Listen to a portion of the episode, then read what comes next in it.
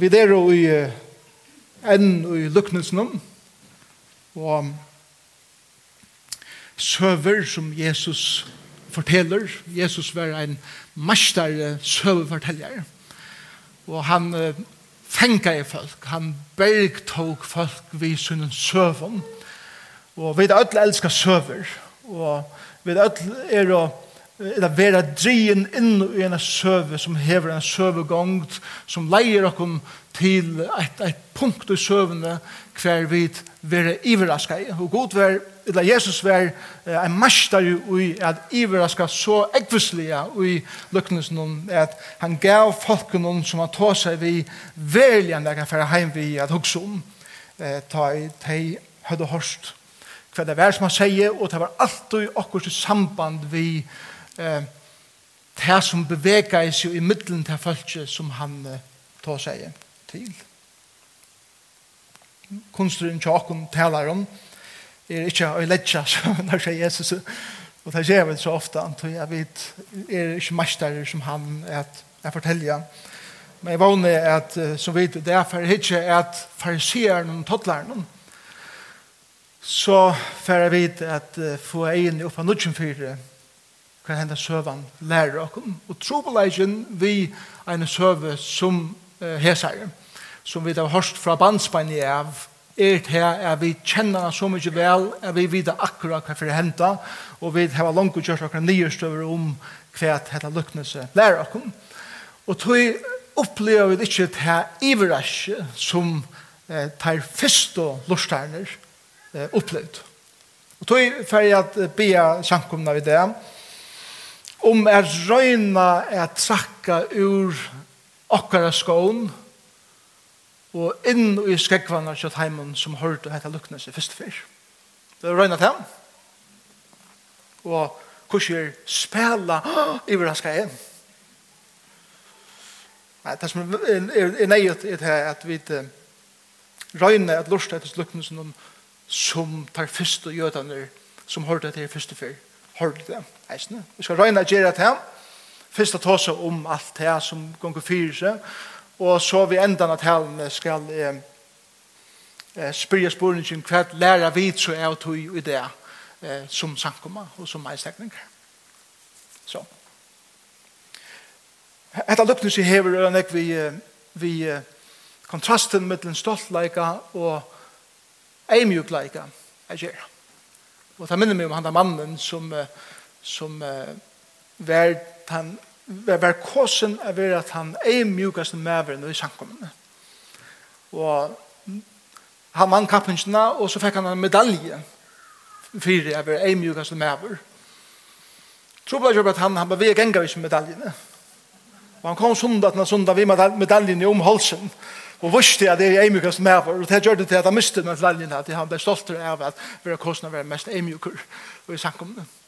Og vi er alt strøyast vi hatt der. Jeg er strøyast vi stoltleikan. Og det er sikkert tid gjør reisen. Det er så latt å bli stolter. Det er så latt å bli hastårer og börja suttja nyer og ånder. Og ofta suttja vi det ikke selv før enn anker kommer og viser okken av til. Og jeg pryser herren for folk som, som tårer der. At kunna seta fingrene av seg. sier, hvor virka du så stolter? Og så fer man vent vi fra tog om det er en trobeleikje. Og Vi har eisen i hin trobleikan, og det er det som vi kallar for falskur eimjukleik. Og det er vi spela som eimjuk, er at det er slett ikke eimjukleik, men det er faktisk et sort uh, signal om at vi røyner at få folk at det er sint i okken, eller halda okker særlig om okken, hvordan eimjuk er det, og så er eimjukleik langt og eisen ta vei lagt. Og det er det som Jesus lærer okken i eh, hesen lukknes nu hva det er stolt stoltleikje, og hva det er samler eimikleikje. Så skulle vi be sammen. Takk Jesus for det at du varst mesteren i samskiftet. Ikke bare som orator, men eisende tega dupter Guds som stuja ur innast av hjertet dyp i hans herre. Og sette år av det så leis jeg vet kunne skilja. Men ikke bare skilja, men eisen velja føla. Djupt inn av akkurat kropp og nyr akkurat sal. Hvordan du innskyr akkurat at skilja og sutja god. Hvordan du innskyr akkurat at skilja og sutja akkurat sjolv. Og hvordan det avvirskar akkurat relasjoner vi kan annan. Og jeg tenkte for at du var så einfaldur at du tok søver. Og du fenga i lortarnar. Og det er for å steg for jeg for hoksande hva skal jeg gjøre vi hatt her som han fortalte meg bare nå. Og jeg ber her om at lukknelsen heva så må avvirka nokkon og at du hjelper okkon for å steg i det hoksande hva for jeg gjøre vi det som Jesus ber med hoksa om i det som er ferdig heim. Nå prøver ikke takk der fire. Jeg vil hava årtøyt av akkurat egna malen, og jeg vil hava fralse, at kun gjør det som vi gjør her i dag, og kring alle økjene. Og vi ber for heimen som ikke har vært fralse som vi tar. som eisende i det, og i jøkken alle dagen, hittast av støven, hvert hjemme og gøymasse, og i øttene fire, jeg vil tidsen, og vi er borstebeint. Og Og tog bia vi for akkurat brøren og systeren kring allan heimen som er knytt i det samme og til tutt navn Jesus Kristus. At du vil skapa henne einlegan middel nokkun og at du vil gjøre noen egen oppfyre her som jeg vet er en lydel pastor av en nekst større held enn bare vi som hittast her i det. Og det prøys jo takk det fyr og Jesus er navn. Amen. Lukas kapitel 8. Og jeg skal lese fra vers 9 til 14. Og det kommer kanskje på skjermen. Lukas kapittel 18 og det er vers 9. Han sier eisen heter luknese vi nekrar, som lite av seg sjølvar at her var rattviser og vannvird og hinne. Så hette det her slæg av folk som Jesus tåsa vi her. Hette stolt folk som heva så mye stora kjallrattvise at de haldas ikke av bruk for nøkron og de suttja nyer og alle som ikke lykka som de. Det er så de som høyra luknelse. Så kommer luknelse. Tvær menn får nyan i tempelet av bya. Så nå er vi i Jerusalem og han peikar av tempelet som Herodos, den store bygden. Annar var fariseare og annar tottlare. Farisearen stod for seg sjølvan og be så god. Jeg takkit her at jeg er ikke som andre mennesker. Ronsmenn, åratvois, hårkattler, etter ta som hæsen tottlaren. Tottlaren Jeg faste tverfer om vikene og lette tutsjent av atlare inntøk og møyne. Så skifter scenen. Tottlaren stod lengt borster og vilde ikke så mye som lytta opp eiesunnet mot himmelen. Men slå seg for brøstet og sier God, vær mer syndere nøyår. Og så kommer slagkraften ut som Jesus sier. Jeg sier det kom.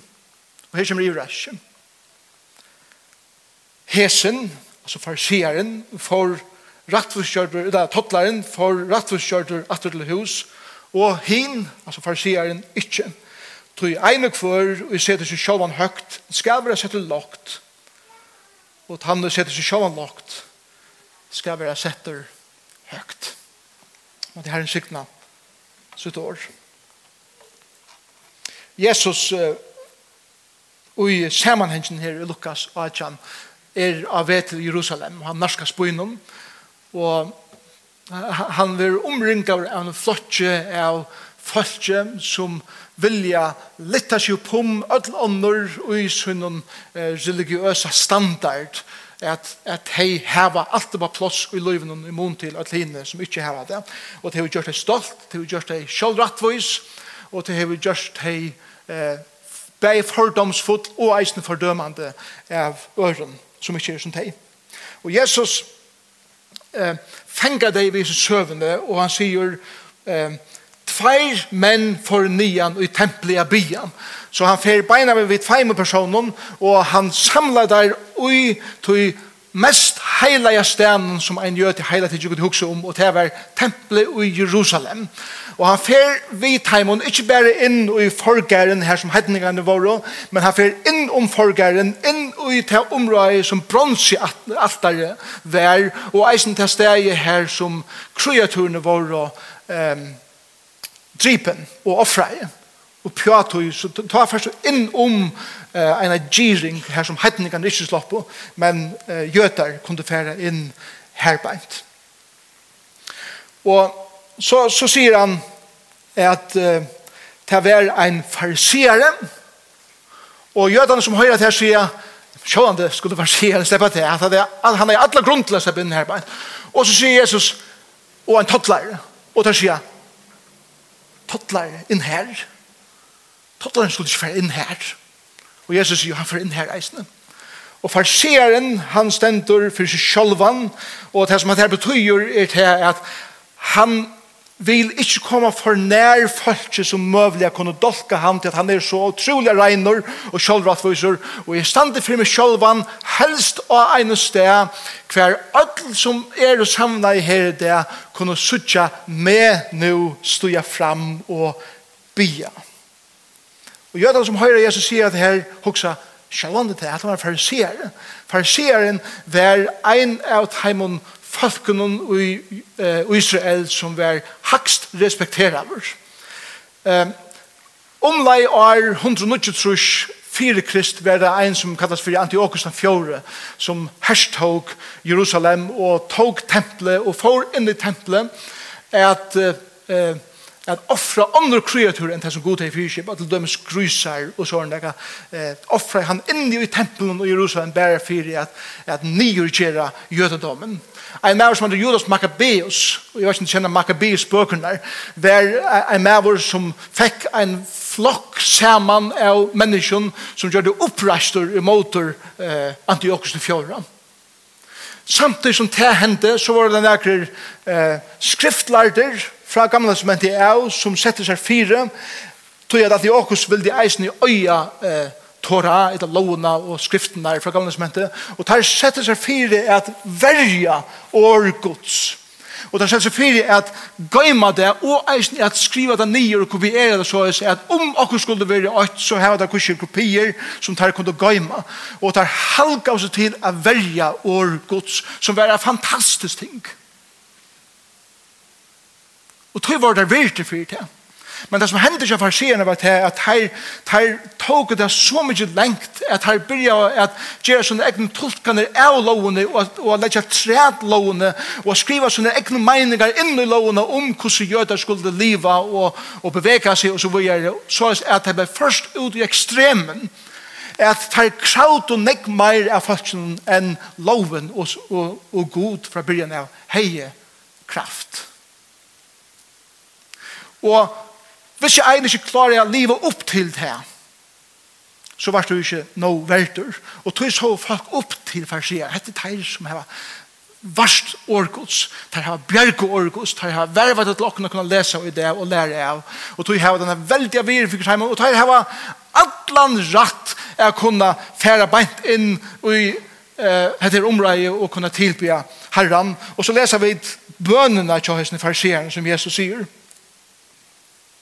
Farseren står for seg sjåvan, det har måttet han sjåvan, det har måttet suttjan, og han sier så leis, god er tatset her. Wow, hatt var god bøn. Den bryr vel. God er tatset her. Og, og en bøn bryr alltid vi tøkk. Men så bryr det suttjan ikke at han byrja takka fyrir. Fokus er ikke god, men av seg sjåvan. Jeg tatset fyrir at jeg, jeg, jeg, er ikke som ånder menneske. Og folk sier, og gjør som hører Jesus fortelle, de sier, Amen, det er du ikke, du er fantastisk.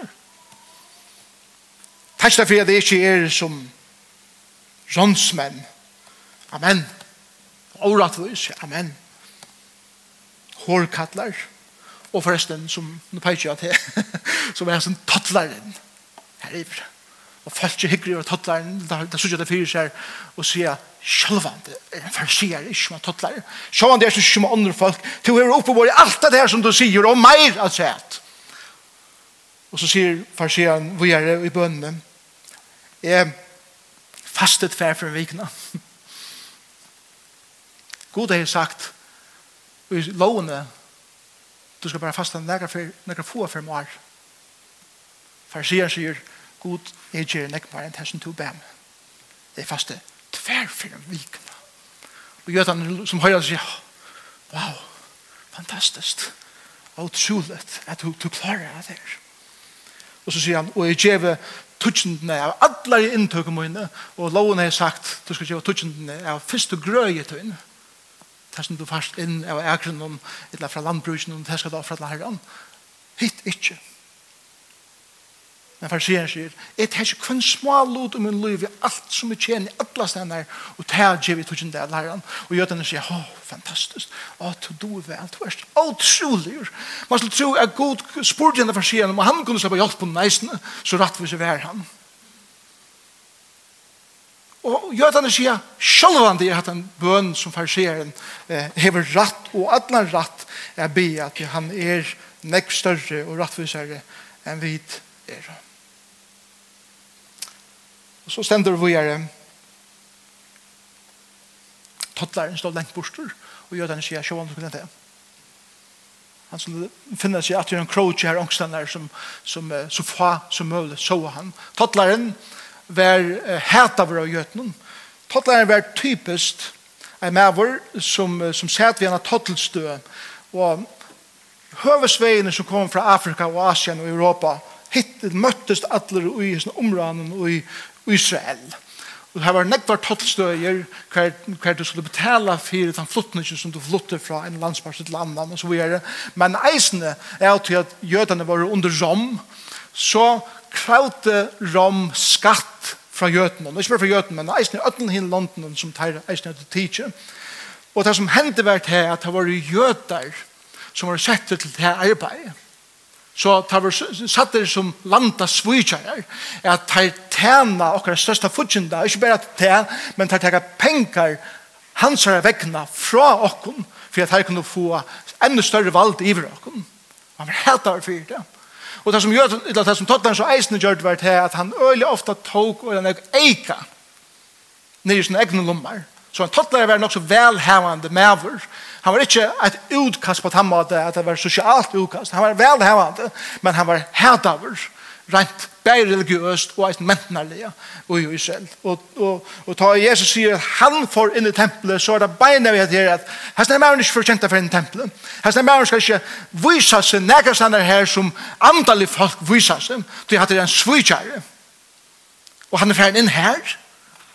Og så sier Jesus, Tottaren stod lengt bostur, ja, sjåan skulle han til, og han ville ikke mykje som hitje opp i måte himle, og tar også sjåan er fortjente helter. Han er en god svujkjære, som han eisne er en jøda svujkjære. Og tur ångar rett å hitje opp mot himle, og vanta nega fra gode, men slå seg for brøstet. Og i, og i, i gamle var det bare kvinner som stod seg for brøstet og i sorg, og øyla var, var det brukt ta i anker for til gjerder, og så kom en så grad til kvinnerne at stå seg for brøstet og syrja om henne her deia. Og det er mynden som han er her på, er at sørget han er så djup at han tog til rollene på seg, at sørget seg selv han som en, som en deian person. Og han sier god, vær mer syndere nøye år. Og gjør den hoksa, det er ikke nøye for det. I mån til det som du gjerst, og i mån til det eh, som du hever snutt og for det. Det er ikke nøye for det. Men det er veldig underfullt akkurat det her ser bønn. Og jeg skal litt fortelle deg om, om hvordan det er noen som ser ut i tempelen. Eh, hessa dianar. Det var bøn tverfer om det i tempelen i Jerusalem. Klokkan 12 og klokkan 3.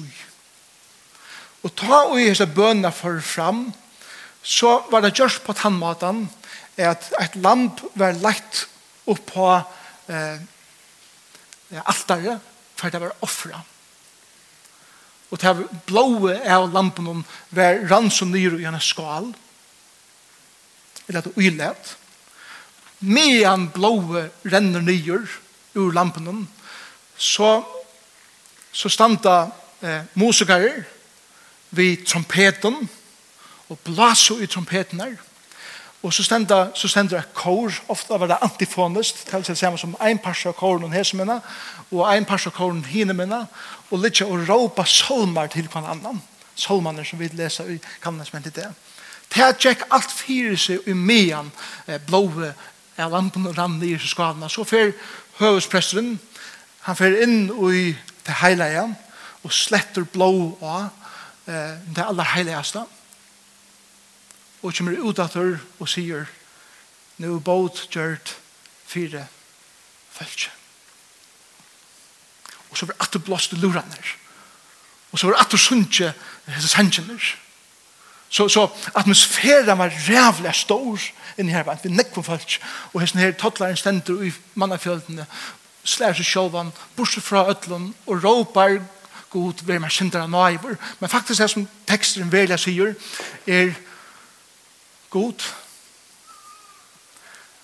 kan hatta være et offer for meg eisene. Det er det som teksten velja sier. Han hikker at presten til en som er utdatter, Og presteren sier, nå er blåve dumme for tikkere synd. Gjøtte tikkere synd. Og tattaren stender, han veit ikke, han spyr god. Er hatta galdane for meg eisene? Tøyt offer, hette offre. Er det, er, er det så mye størst? Er det så mye underfullt og godt? Er det dekka mine synd eisene? Han spyr til at en spurning som han spyr god, god vil til å gjøre at hatt lampe er et offer som til god teker eisene mine vekkene. Og så er en bøn som kommer djupt fra hans herre hjerte. Og jødene som hører Jesus fra det her også, nei, hatt er ferdig ikke. Det er bare farsier som får kjent det her, og ikke tottleren. Og ta vi koma til vers 14. Ta er det som om at Jesus teker nevan, og han smekker dem en ein framan. Ta han sier hese årene, hesen, tottlaren, som tid halde ikkje over oppebor neka, far heim henda degen, ratt vis kjertur. Til han sa seg sjåan fyrir hvor han vær, er vera en syndare som hei bruk fyrir Guds nøye og Guds offre i sin liv. Men hin, og han nevner ikke gong for sier han ved navnet, hin, han får heim akkurat på samme måte som han kom, fotler i seg sjølven, utan bruk for gode. Til hans her bøn har ikke et hint av at han på nægre måte har bruk for gode. Han bare fortalte gode alt det store som han gjør, og sier god, er god nok til tøyen, så kan sier for at jeg tar måte mer. Og Jesus sier, hesten heist, det er ikke bruk for rettforskjering, til han fotler selv rettforskjering. Og han får oppbrøtter heim enda deg. Og Jesus sier så vidt der, en av hver som sitter seg sjåan høgt, og så mykje høgt at du heldur du ikke bruk for god i løvnen, skal være sett lagt. Men han som sitter seg sjåan lagt, og erkjenner sin tørv av god i sin løve, skal være sett høgt. Og som sangren sier, det som vender nyer, vender opp. Det er det for jeg for, og en lukkelse som Jesus gjør dere. Hva lærer vi?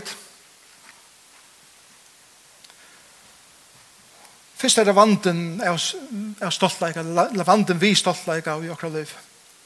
Det er bare helt kjøtt, røyna viser det hva stoltleika gjør, og hva rattere eimigleika gjør i okra liv. Hva Vande vi stoltleik er til at vi byrja å lyde okra egna evner og okra egna evrik heldre enn å se okra alit og god. Og så kjøtt som vi gjør at her, så blir vi stolt. Vi kunne, vi kunne gjøre, og jeg kan gjøre at her som jeg gjør i det. Eh, jeg kunne lite av mine titlar som jeg har, og det som er doe, utan på negra måte hava bruk for gode i livene som er, og sier at det skal nok klare selv. Sundet, til sundet, til sundag. Inntil til for å komme her til at til sånn negv er det bare ur meg innanfra, jeg min negna stoltleika, er kraften fyr. Og ikke brøyden fyr fram. Og til vel møvelig sjokken, øtlen som er i her, det er at, at seta alit av de tingene som vi doa vel, og ta jeg ikke iver hese sankumna, så kjenner jeg, så vi kjenner hver annan, vi, vi vet at vi alt som er inne her, heva fantastisk evner, og evrig, vi akkur løyf. Men hvis vi sitter alit av det og sier god, vi tar ikke bruk for det som jeg langer, så er vi blivit stolt. Og ta er bare eit som kan henta, til det at tøyen for å komme, da vi skulle være sett lagt. Til vi da tidsi hakste råk som bare en eier og til god. Og han skal eie mye For Det som stoltleis ikke gjør er til at vi byrja at hitja nyra ånder som ikke er akkurat lykka som vit. Og som mulig ikke klarer at det er avrigen som vi klarer og ikke gjøre tingene på den måten som vi halder være best. Og som ikke huksa akkurat lukka som vi og vi byrja sutja nye og ånder som ikke er lukka andalig som vi og vi får døme hver annan etter akkurat hvordan akkurat andalig evrig er eller akkurat andalig og bakgrunner kan vi komme fra og så videre og det vet jeg er en vante og en sankomme som luftene Løvden er en sankoma som er samansett av øyla nekvun imenskun folkun, eisne fra øyla nekvun imenskun sankoma bakgrunden, og eisne fra folk som ikke kommer fra negrar kyrkje bakgrund.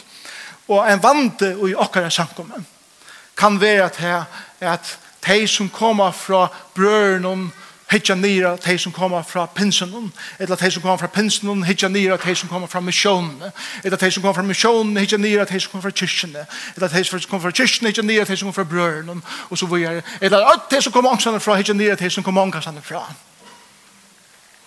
og vi byrja ta så om kan annan på imiska matar og det er bare eit som kan henda i samkommende ta vi gjøre ting som det er til det er at vi ødel færre er være sett lagt og oppleva Guds disiplin i akkurat livet tog jeg vidt døme ånder etter i mån tid for jeg vidt halde okkom vera.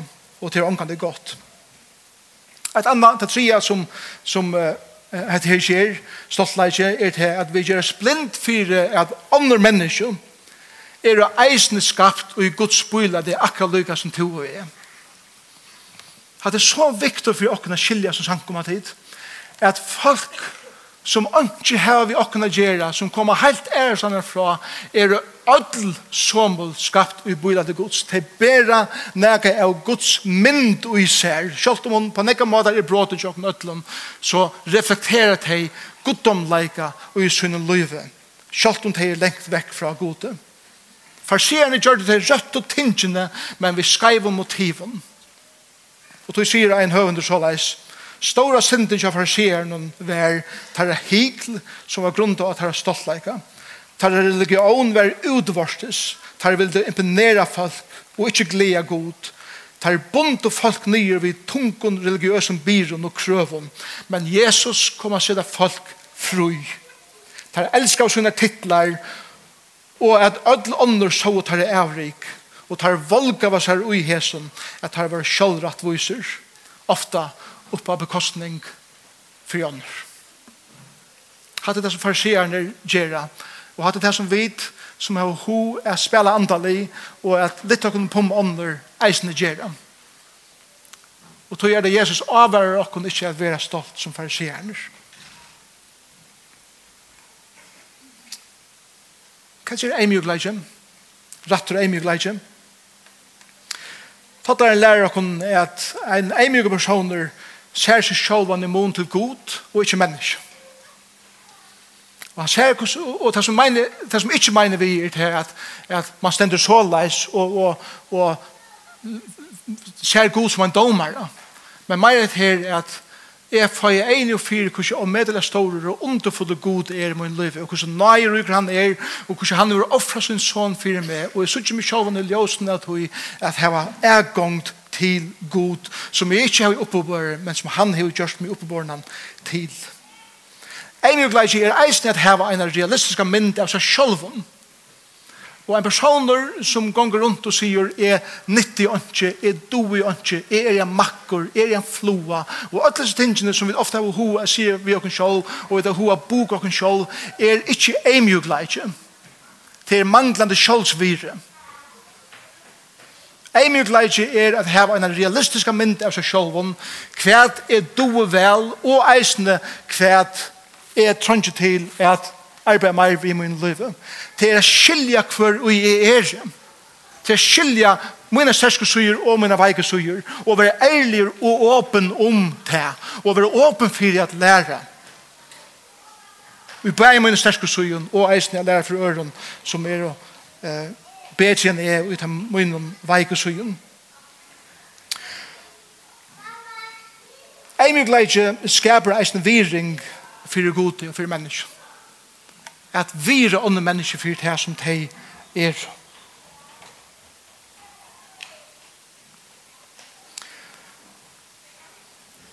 Og et annet som det gjør, det er at jeg åpner kjenslekjeldene og vågn om jeg er god for jeg viser meg nei. Hesne farser, hesne tottaren, han stod ikke pura styvor og bedre god, god, hvem er sindra naiver. Han tørte jeg vise hver han var helt inne i ui som han stod her og ikke ville hitje opp og, og slå seg for i brøstet. Men ui tog vånen om at hatt og offre skal eisende dekka mine synder og han tørde å vise hvor han var. Han ser seg ikke opp oppeborene av få miskunn, men han ser at han er gjørter oppeborene av få miskunn grunn av at det som Jesus har gjørst. Jeg skiljer hatt der for å bjerge oss fra at bli stolt menneske. Det er eisne å bjerge oss fra at være falsk eimig menneske. Det er for å gjøre oss en rette mynd av hvor god sier til og med er være. Og til den mynden som vi eier at heve av oss selv. Og til det som Jesus vil lære oss i det.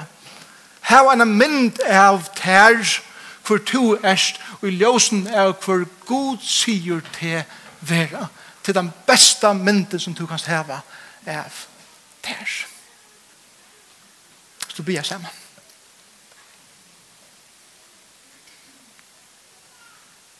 Takk til Herre Jesus for det at På samme måte som vi miskunn samme samverd gjennom. Så gjør det samme her, at du ikke er åkken å blod og meir som tann, som vi helst ikke vil ha noe vi er gjerne. tog bi her om at hun vil hjelpe oss nå, hese løtene, at hukse om en person som vi ikke vil ha noe vi å gjøre, og høyre til syv i oss, kvæt og i hånden, vi har bruk for jeg blå lykka som.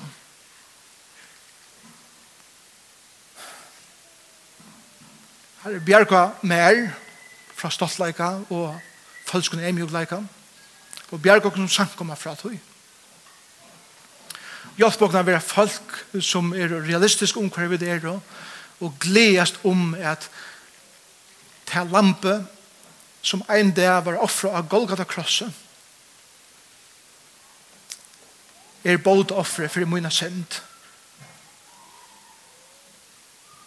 Og nøyen som er ut høy fjaller eisne med og omfønne med og tog bi her om akkurat er her det som enda 25 er jo fyrir at han eller hon er høyt elsket og at hun døye for herre synd av krossen at hei og det djeva sitt liv til tøyen og be seg bønnen av god vær mer synder enn nøyver og at hei skulle oppleve ja, båten reisende for hei Takk til Jesus fyrir så søvna som er så kjent og jeg byr herre vid og det her har lært okkurs nytt fra hesen lukknesen om farisieren og talleren og i Jesus' navn. Amen.